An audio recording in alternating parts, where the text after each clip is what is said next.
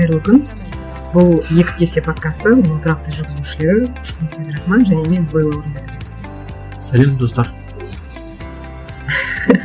Сәлем достар десе маған бір блогерлер елестейді да сәлем достар ары қарай бәріңе сәлем деген сияқты ма иә жалғас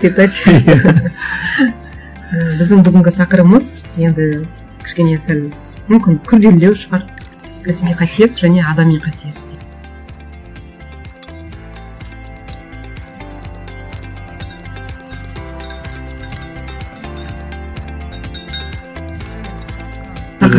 Тікелей өте берейік неге мен бұл тақырыпты қозғадым. Соңғы уақытта мен і көп ойланатын болыппын. Адамдардың ортасында жүріп олардың бір тұлғалық қасиетіне үңілуге тырысамын да. Кейде ойлаймын мысалы интернет ешқандай технология ешқандай мүлдем ештеңе жоқ. Бір аралға барсам и дәл осы адаммен қалатын болсам мен өмір сүре алар ма едім? Онымен қарым қатынас орнатып бір жұмыс жасай алар ма едім деген сияқты бір ойлар келеді маған. Сонда мен ойлаймын адамдардың кәсіби біліктілігі артық па әлде адамгершілігі артық па деген сияқты ойлар мені мазалайды. Менің бір ә, бұрынғы бастығым болды. Ол кісі ә, ұлыбританиядағы лестер университетінің ә, адам ресурстарын басқару және қызметкерлерді оқыту мамандығы бойынша ә, магистратураны бітірді. Мен кейде сол кісіден сұрайтынмын қызметкерлерді алғанда не, неге қарау керек? Біліміне ма біліктілігіне ма? Әлде ә, адамгершілігіне ма деп. Ол кісіге мен көбінесе ә, жаңадан қызметке алып жатқан адамдарды таныстырып мынау мынау бағдарламаны біледі мынау бағдарламаны біледі. Мынау кісі мында істеген мында істеген деп айтқанда ол айтатын сен ә, олардың резюмесінің тек қана жаңағыдай кәсіби жағына емес оның адамгершілігіне де қара деген сияқты. Сонда мен айтатын сонда ол ыыы егер ол мықты маман болып тұрса ол адамгершілігі маңызды ма дегенде айтатын әрине жұмысқа алғанда ең бірінші оның біліктілігі ғана емес біліктілігі әрине жақсы бірақ ең бас- бастысы оның адамгершілігі деп айтатын. Мен сонда айтсам сонда сізді университетте екі жыл бойы соған үйретті ма дегенде айтатын иә ә, меңгергенім осы деп. Сен мысалы жұмыста болдың сенде бір адаммен ренжісіп қалып сол үшін жұмысқа барғың келмеген көргің келмеген жағдайлар өміріңде болды ма? Болады ондай сәттер. Ол енді өмір болған соң әркіммен әртүрлі мүддеде әркіммен әртүрлі мәселеде кейде пікірің келіспей қалады тіпті пікір келіспей қалу бер жағы ыыы қатты сөзге келіп қалып қатты қайырым сөзге келіп ренжісіп ұрысып қалуы мүмкін. Ыыы кейбір жағдайда өзіңді ыыы істемеген затыңды ыыы сенің қателігіңнен болмаған қатеңнен болмаған дүниелердің жауапкершілігін сен арқалап қалуы мүмкін. Ыыы бұл да жаңағы сен айтқан адамгершілік деген мәселеге келіп саят- саятын шығар. Енді біз өзіміз тақырыбымыз кәсібилік және адамгершілік деп алдық қой. Мен жаңағы саған айтып кетейінші мысалы мен де ондай жұмыста жұмыс істедім де сонда ыыы бір адамның мысалы қырсық мінезі немесе сондай бір жаңағы адамгершілігінің төмендігі басқаларға әсер етеді ол тек қана бір басшылы мен жаңағы адамның проблемасы емес. Мысалы мен де сондай ұжымда жұмыс істедім. Болды бізде шуды жақсы көретін өсекті жақсы көретін адамдар. Солардың кесірінен қаншама басқа адамдардың жаңағы ұнжырғасы түсіп сондай бір жағдайлар болды. Сондықтан мен ойлаймын бәрібір де. Иә менің жұмысымда мен талай рет көрдім басқа бір адамдарды. Кәсіби деңгейі өте жоғары бірақ адамгершілігі нашар. Солардың нәтижесінде жаңағыдай енді зияны болды. Сондықтан сондықтан адамгершіліктің рөлі айтарлықтай жоғары деп дейсің ғой иә жоғары деп иә бірақ мен енді нақты деп айта алмаймын. Мен әлі өзім де түсінбеймін. Өйткені өткен жолы осы мәселе бойынша біз ііі бір досымнан сұрадым. Осы Мгм. сұрақты соңғы мысалы үш төрт айдың ішінде көптеген адамдарға қойдым. Өткенде ғана біз бір блог турға бардық та сосын мен бір досымнан сұрадым. Қалай? Адамгершілігі маңызды ма? Әлде кәсіби деңгейі маңызды ма деп сонда маған айтты кәсіби деңгейі әрине деді. Мхм. ал адамгершілігі қалай десем ол айтады. Адамгершілігі егер сен жақсы басшы болсаң мхм. кез келген адаммен тіл табысасың ол сенің проблемаң ол енді сен басқаруға қарай бейімдеп отыр ғой бұл саланы жоқ енді яғни басқаруға бейімдеп отыр бірақ айтады сен мысалы егер сен басшы болсаң сен қол астың астына жаңағындай ә, өзіне жұғымды адамдарды емес өзіңмен мүмкін сыйыспайтын шығар өзіңмен бет жыртысатын шығар бірақ Мм. сенің компанияңның жұмысын алға қарай жылжытатын адамдарды алуың керек деп ол айтады мысалы егер біздің билік біздің басшылық ыыы ол да сондай қарайтын болса мысалы кәсіби деңгейіне бізде қаншама оппозиция деген сияқты түрлі үкіметке онша қатты жағымды емес адамдар жүр олардың потенциалын дұрыстап қолдана алмай жүр дұрыс. бұл иә дұрыс. Егер оларды алатын болса олардың мысалы көзқарасына олардың сондай сыйысу сыйыспауына қарамайтын болсақ біздің мемлекетіміздің дамуы мүмкін. Сәл қарқынды болатын бе еді деген сияқты бір ой айтып қалдым.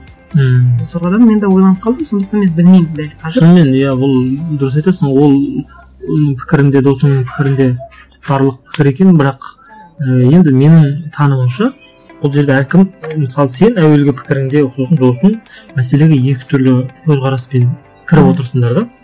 Ә, кәсіби адамдар бұл дөңгелетеді сөз жоқ. Иә. Ол сенің жұмысыңды жалпы сол компанияның болсын мемлекеттің болсын өрге домалатады.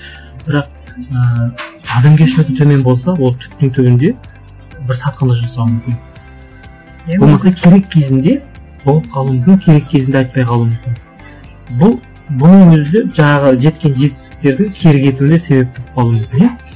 Енді қандай да бір басшы жұмысқа аларда ә, ең бірінші кәсіби деңгейіне қарайды ол өзінің айтқан талаптарына мысалы айталық енді қарапайым мысалы компьютерді қолдана біле ма белгілі бір бағдарламаны істете ала ма мынандай мынандай мазмұндарда жұмыс жасай ала ма деген сияқты ең бастапқы талаптарына қарайды.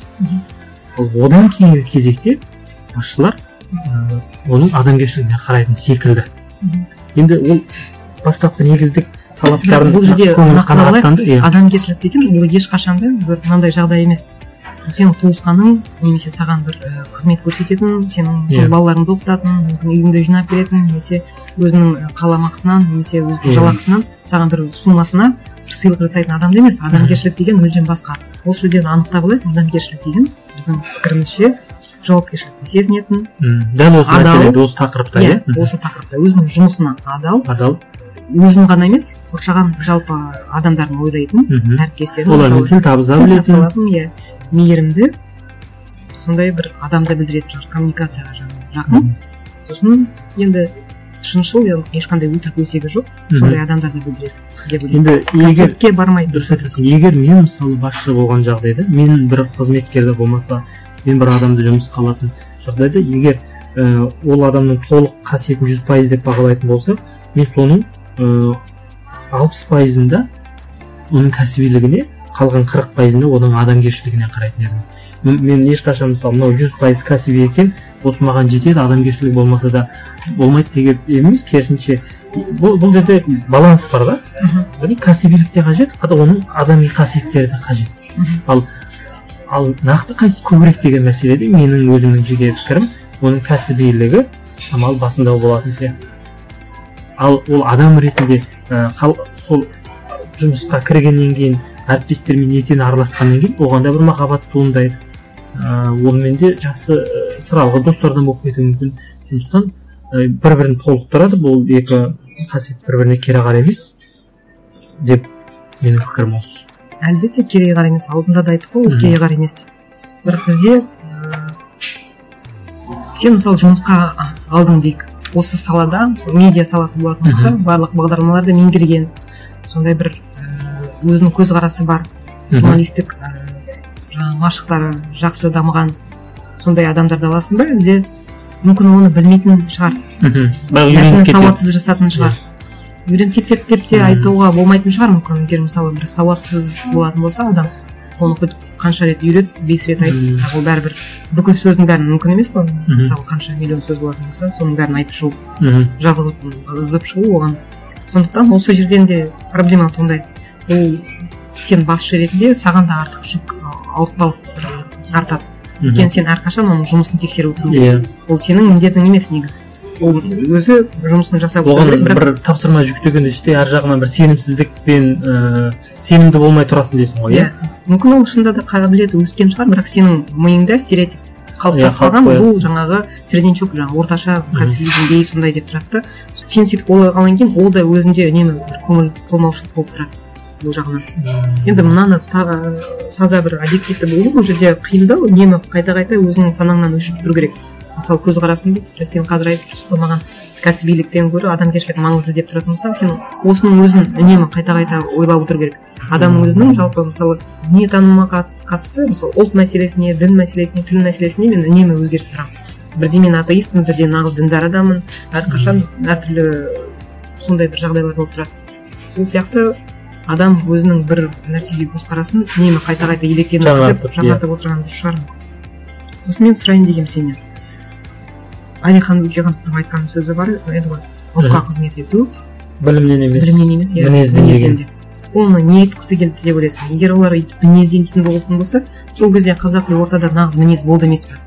Онда неге олар мінезді білімді іздеп жапонияның тәжірибесіне көз салды германияның тәжірибесіне көз салды россияның университеттеріне қанша адамдарды жіберіп балаларын оқытып отырды не үшін егер мінезден болатын болса мінезге баяды неге тағы да білім іздеп кетті дейсің ғой иә? Иә. А бұл жерде ә, ол Әли- Әл- әлекеңнің айтпақ ойы мынада мысалы ә, керемет білім алған ә, орыстың да батыстың да басқаның да білімін көрген әбден жетік маман болуы мүмкін.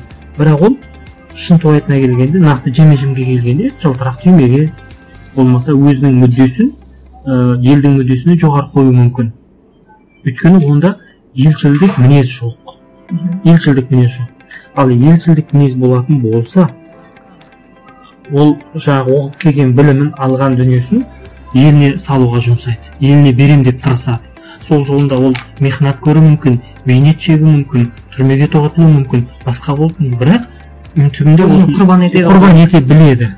Ал енді бұл мінез деген сәл мысалы мінез деген неден саяды мысалы сол кезде де болды. Келген ә, сол кезде патшаның жандармериясында тілмаш болғандар бар. Яғни қазақтың арасында әлихан би деп айтты ахмет би деп айтты. Олар енді бүйтіп жүр үгіттеп жүр деген. Оларды да білімсіз емес. Олар да сол кездегі өз заманның былайша айтқанда алдыңғы легінде жүрді. Өйткені хат таныды орыс тілін қазақ тілін болмаса басқа тағы білімдерді жетік білді а бірақ оларда кем нәрсе? Оларда мінез кем. Мінез деген егер үлкен жақтан қарайтын болсақ ұлтқа деген өзінің еліне деген махаббаты ә, ал тар мағынадан қарайтын болсақ адалдығы. Таза өзінің елін әке шешесінің адалдығы руына адалдығы жарына адалдығы отбасына адалдығы ұлтына адалдығы. Осындай деп түсінуге болады сондықтан әлекеңнің бұл жерде айтатын мінезі осы. А бізде де қазір бар мысалы демек ол сол кезде сезіп тұрған ғой ә, сол кездегі адамдарда бәрібір де енді даже қазақтың өзінде мінез жетіспеген. Мысалы мен отыз жетінші жылдары қайтадан үнемі айтамын осы ойды. Мен ойлаймын ешқандай да ресей емес ешқандай да басқа бір адам емес біздің қазақтың өзін қырған қазақтың өзі деп. Таныған әріп таныған адамдардың бәрі шетінен қой болды емес пе бәрі бір біріне ара жазып жаңағыдай қорқып үркіп бұл дұрыс айтасың бұл бұл мінезге де қатысты. Бірақ мынадай жағдай бар да. Мысалы сол ыыы советтік кезеңінде өзара сынды өрістету деген бір науқан болды. Мгм. өзара яғни партия ішінде партияшілік сынды күшейтуіміз керек деген. Ол не деген сөз? Мысалы сен партия мүшесісің ба? Сен ә, өзіңнен өзіңнен бастап жан жағыңдағы ә, кемшіліктерді барлық адамды сынап шығу сынап шығу керек. Мысалы ұштың мынадай мынадай мынадай. Бұның әпербақан мінезі бар. Бұл ананы үйтті мынаны бүйтті. Бұл олардың танымында сол кездегі саяси науқан бойынша бұл өзара сынды өрістету күшейту. А бірақ бұның олар білген жоқ осының салдарының артында әрбір сынның артында ол бір факті қылмысқа дерек ретінде. Енді ол кезде адамдар мүмкін партия қызметкері болсын мүмкін бір, білмеймін басқа бір атқарушы билікте болса жақсы кәсіби маман болды олар өзіне артылған міндетті атқарды. Ол сын жазды бір бірін сынады айтты бірақ адамгершілігі бір кем болып соның нәтижесінен біздің қазақ интеллигенциясы өте жұтаң болды. Біздің руханият әбден түсіп кетті тек қана идеологиядан ғана тұратын жағдайға жетті. Солай ма? Демек бұл жерде проблема болып тұр ғой енді адамгершіліктің кем болуының нәтижесінен бұл жерде біз ә, мәселені қарастырғанда тек адамды қарастырып отырмыз. Ол жердің тұтас кемшілігі қоғамның адамгершілік қоғамның өзінде сондай адамгершілік қасиет болмағанында қоғам дегенде егер сені сотсыз ә, тергеусіз айдап сені атып өлтіріп жатса қоғамның өзі сондай ә, көрініс беріп жатса мәжбүрлесе адамдар да меніңше ол үрейленеді қорқады. Содан кейін ол жердегі адамгершіліктің ол кездегі бір бірін сатып жіберу үрейленгендіктен қорыққандықтан өзін тек қана аман сақтап қалу бір ә, несінен туған тілегінен туған сондай сатқындық. Ол әрине бұл сен айтасың ғой қоғам қоғам дегенде Иә. бірақ мен түсінбеймін шын айтқанда қоғамнан қоғам адамдардан тұрады. Мысалы тобыр тобыр деп айтамыз ғой. Тобыр деген түптеп келгенде жаңағы мен де тобырмын сен де тобырсың сенің көршің де тобыр сенің балаң да тобыр сенің ата анаң да тобыр деген сияқты сенің әріптестерің де тобыр. Осындай сияқты ондай болмайды. Жекелеп қарастырғанда олардың бәрі адам түптеп келгенде. Бірақ көпшілік болуы мүмкін жаңағындай адамдар. Басқаша ойлайтын адамдар. И сонымен қоғам бары қоғам осындай деп кетеді. Түптеп келгенде адамның өзі осындай. Сен жаңа айтасың адам ондай болған жоқ ол қоғам ондай болды қоғамды қалыптастырған адамдардың өзі. Жоқ дұрыс айтасың мен адамда ондай болған жоқ дегенде біз тек қана адамның мәселесін ғана қарастырып жатырмыз да белгілі бір. Адам деген енді мысалы бір ғана ұжым мысалы мен өзімнің редакциямда айттым жаңа. Бұл редакцияны үлкен бір компанияға телуге болады үлкен компанияны үлкен мемлекетке телуге болады сол сияқты бұл жерде жалқыдан і, жалпыға өту мәселесі неге неге сондай мәселе болды? Онда былай қарап көрейік. Неге осындай адамгершіліктің азғындаған ыыы ең төменгі шегіне жеткен сондай бір кезең болды? Біріншіден ең бір ол кезеңге иә тоқталмай ақ бірақ мен айтып өтейін. Ондай себеп болатын ііі себебі? себебі? Ііі біріншіден бірінші кезекте олар ең ұлттың қаймағын арын олар деген кімдер? олар деген советтік кеңестік номенклатура. Ә, жоқ номенклатура емес бұл жерде адамдар ма? Олар дегенім кеңестік билік. Кеңестік билік ең бірінші сәтте әлихан бастаған ахмет бастаған ә, ұлттың арын ұятын түгелімен құрбан етті қырып салды. Одан кейін екінші буынды кеңестік билікте қалыптасқан екінші буынды алды. Ал үшінші төртінші ол бассыз қалған дене болғандықтан олардан ешқандай бір адамгершіліктің бір үлкен деңгейін күтуде меніңше артығырақ. жарайды бұл тақырыпты Тақырып, кейінірек айтайық меніңше бірақ сенікі билік дегенде билік деп айту дұрыс емес. Ол биліктің арқасында адам болды. Сол адамдарды дәріптеп кім білесің қазір сол биліктің саясат. мүшесі көше бар шығар ауылдағы бір мектеп бар шығар. Сен білмейсің ғой әрбір адам қазір өзінің бесінші төртінші атасын ұлықтап ескерткіш тұрғызып сондай бір жағдайға жетіп жатыр. Өйтіп жеке билік деп қарауға болмайды оның өзінде тұрған қазақтардың өздері түптеп келгенде енді оны кейін ары қарай талқылармыз бірақ енді кәсібилік пен адамгершілікке онда оралайық бізде қазір мысалы бағдарламалар бар иә? Ііі, енді мысалы болашақ бағдарламасы біздің жастарымызды қазір кәсіби деңгейін арттырып оқытып жатыр шетелде. Шетелде тәжірибе алмастырып жатыр. Оқыған тоқыған адамдарды ары қарай бір деңгейін арттыратын түрлі курстар бағдарламалар бар. Сонда ол қалай ойлайсың? Мемлекетті дамыту үшін мүмкін енді енді жаңағындай екеуміз де сондай бір пікірге келдік. Адамгершілік маңызды деп. Егер адамгершілік маңызды болатын болса мүмкін шетелге барып оқытпай ақ мүмкін мүмкін адамгершілікті арттыру курстарын жасау керек шығар. Мүмкін отбасылық жаңағындай бір тәрбие жұмыстарын өткізу керек шығар жалпылама мен бағана айттым егер мысалы егер мен басшы болсам алпыс пайыз оның кәсібилігіне қалған пайызын адамгершілікке береді Мхм. қарастырар ретінде тек қана жалаң адамгершілікпен Иә. Мемлекетті гүлдендіріп әкете алмайсың. Бірақ бір жағынан енді жаңа айттық қой мемлекет осындай тәрбие жұмыстарымен де айналысу керек дегенде бір жағынан ойлаймын иә қазір рухани жаңғыруды бағдарламасын жасады ғой. Мүмкін сонда бір талпыныс болған шығар кішкене адамгершілікке бұрсын адамдарды деген сияқты. Бірақ білмедім қаншалықты енді тиімді екенін. Енді ол мемлекеттік деңгейінде ол мемлекеттің гүлденуі болмаса бір кезең үлкен бір уақыт қамтитын нәрсе да ол. Бір бір екі жылда немесе бір төрт бес жылдың ішінде міне әкеліп нәтиже шыға қояды дейтін емес бұл бұл бір ұрпақпен қалыптасатын мінез мысалы ұлттың мінезі. Ол әлгі елу жылда. Елу жылда елу жылда дұрыс елу жылда ел жаңа жүз жылда қазан дейтін еді ғой. Сол сияқты ол тұтас бір ұлттың мінезін бір белгілі бағытқа қарай бұру ол бір ғасырлық болмаса. Тағы бір сұрақ қойсам бола ма? Сен түйіндемең бар ғой иә сен жұмысқа жұмыс берушілерге ұсынатын резюмеңде. Сонда сен бір графа бар ғой сонда бір адамның жеке қасиеттері деп сен сонда өзің қандай қасиеттерін жазасың? Енді көбіне шаблонда тұрған иә оны мойындаймын ол көбіне шаблон түрде кетеді. Бірақ сен мысалы өзіңнің қандай мінездеріңді айтатын едің? Менің мінезім мысалы жұмыс берушіге көрсет мен мынандаймын деп. Мүмкін мен жаңағы біреуді сыртынан жамандамайтын шығармын. Ең өзім бағалайтын қасиетім. Мысалы біреу жалпы менің өзім біреулермен конфликтіге қақтығысқа қайшылықтарға келуді аса ұнатпаймын.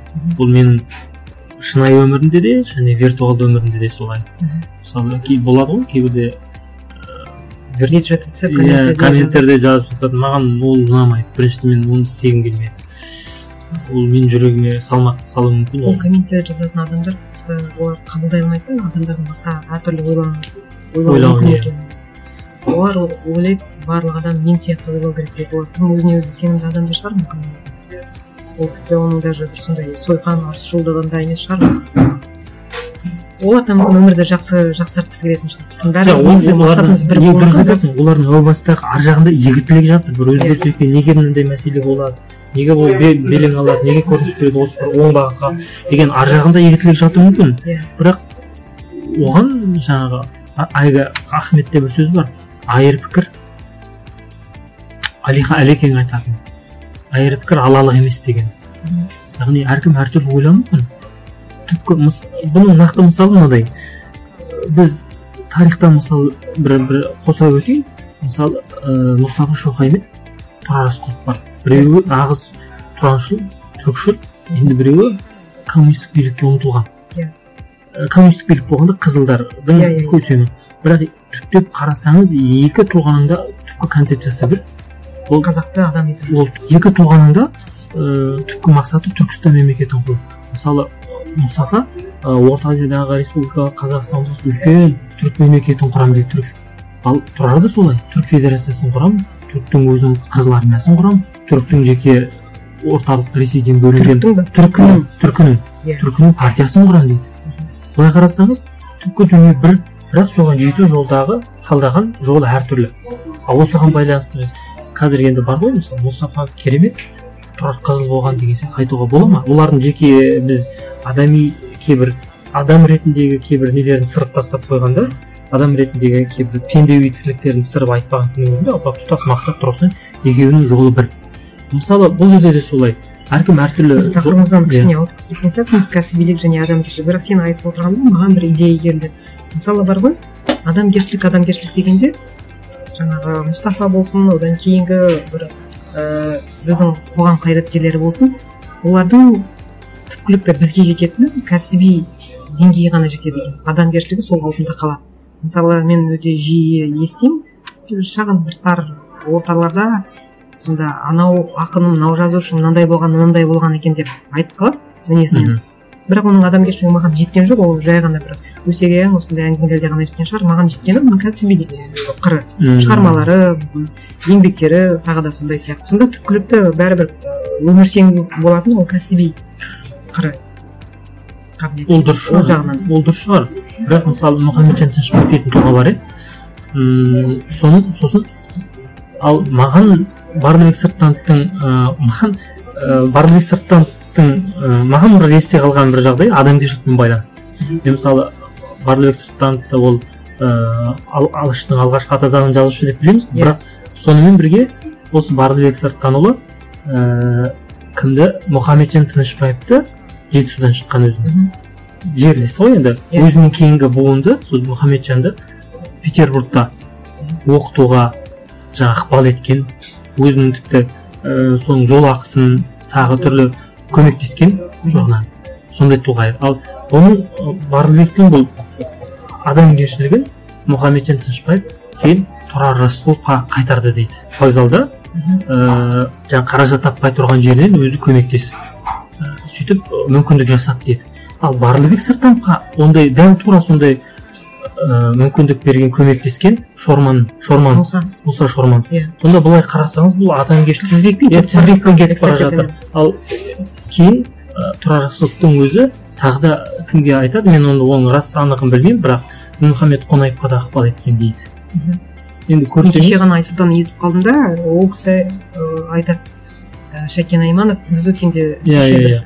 ана адам рөлін ойнаған ак- ә, актер туралы айтқанда сонда айтады ол жағдайы жоқ сондай бір отбасыдан болған еді. Сол кезде соған бір жақсылық жасап оны бір эпизодқа кіргізіп жіберіп жақсы бір қаламақы беріп сондай оқуға түсіріп сондай бір көзін ашқан адам. Ондай. Біздің қазақ зиялылардың арасында енді көп шығар алаш заманында. Сәтбаевтың сәт мысалы сәтбаевтың өзі солай ол алаштықтардан бері және олардың көзін көргендердің арасында мұндай қасиеттер молынан табылады. Ал керісінше қазір қазір қалай? қазір дәп енді бұл менің жеке пікірім өзге жұрттар ренжімесін. Дәп қазір сондай мол адамгершілік сиреп кетті мүмкін әбден нарықтық қатынас және басқа себептер ііі киліккен шығар. Сосын білесің ба егер адам қазір бір жақсы бір шәкіртті көрсе оны оқуға түсіріп жаңағындай ары қарай итермейді меніңше қол астына кіргізеді да. Мен өте көп адамдарды сыртынан ой мынау жақ- жақсы мықты керемет маман деп ойлайтынмын. Бірақ түптеп келсем олардың астында ол кісі емес оның қол астындағы бір жаңағындай бала шағасы солар мықты екен. Мәтінін жазып берген бір жерде бір жерде еңбегін жазып ыыы басқаруында көмектесіп жүрген деген сияқты. Қазіргі меніңше тұлғалар ірі тұлғалар. Олар жаңағыдай иә оқытпайды олар бір қол астына жинап алады да бір сорып отырады. Ондайды өзің де жиі көрген шығарсың иә ол бағанағы айтқан сөзім де соған қатысты ғой. Қазір мүмкін ондайды сирек көреміз деген сөзім де соған қатысты. Әрине шарапатын ыыы ағалардың шара- аял алақатын алақанын шарапатын көріп жүрген жастар да жоқ емес. Бар. Ыыы мен бұл жерде атын атап ондай ағаларымыздың атын атап түсін түсіністемей ақ қояйық. Бірақ жалпы жақсы тұлғалар да бар. Керісінше жаңа өзің айтқандай өзінің қол астында белгілі бір маманды ұстап жасырып жауып сол арқылы өзіне жұмыс жасатып отқан ондай адамдар да бар. Бірақ мен сирек естимін бәрібір де біреу біреуге көмектесті деген сияқты. Бұрындары біз студент кезімізде есімде мен бір ақ қана жағдай бар. Руслан бөлебай бір путевка ұтып алды да бір америкаға ма сол жаққа бірақ өзінде тек қана сол жақтың билетін ғана төлейді болды.